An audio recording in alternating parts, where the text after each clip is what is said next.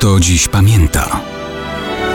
Datownik historyczny prezentuje Maciej Korkuć.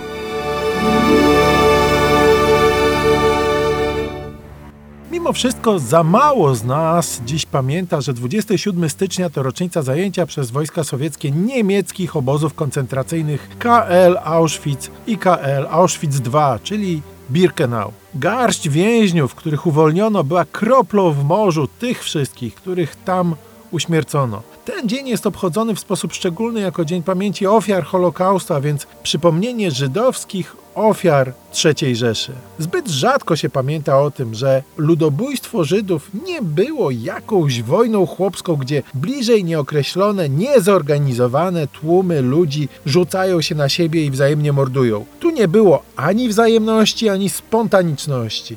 To było ludobójstwo systemowo zaplanowane i zorganizowane przez państwo niemieckie.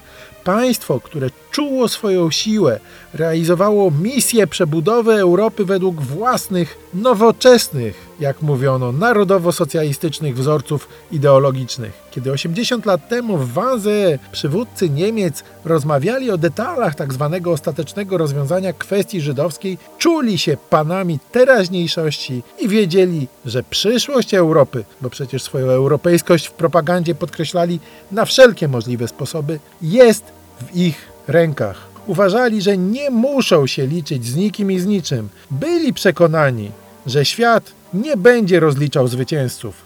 Siła, a nie moralność będzie decydować o tym, jak historia opisze ten nowy, wspaniały narodowo-socjalistyczny świat tysiącletniej Rzeszy Niemieckiej.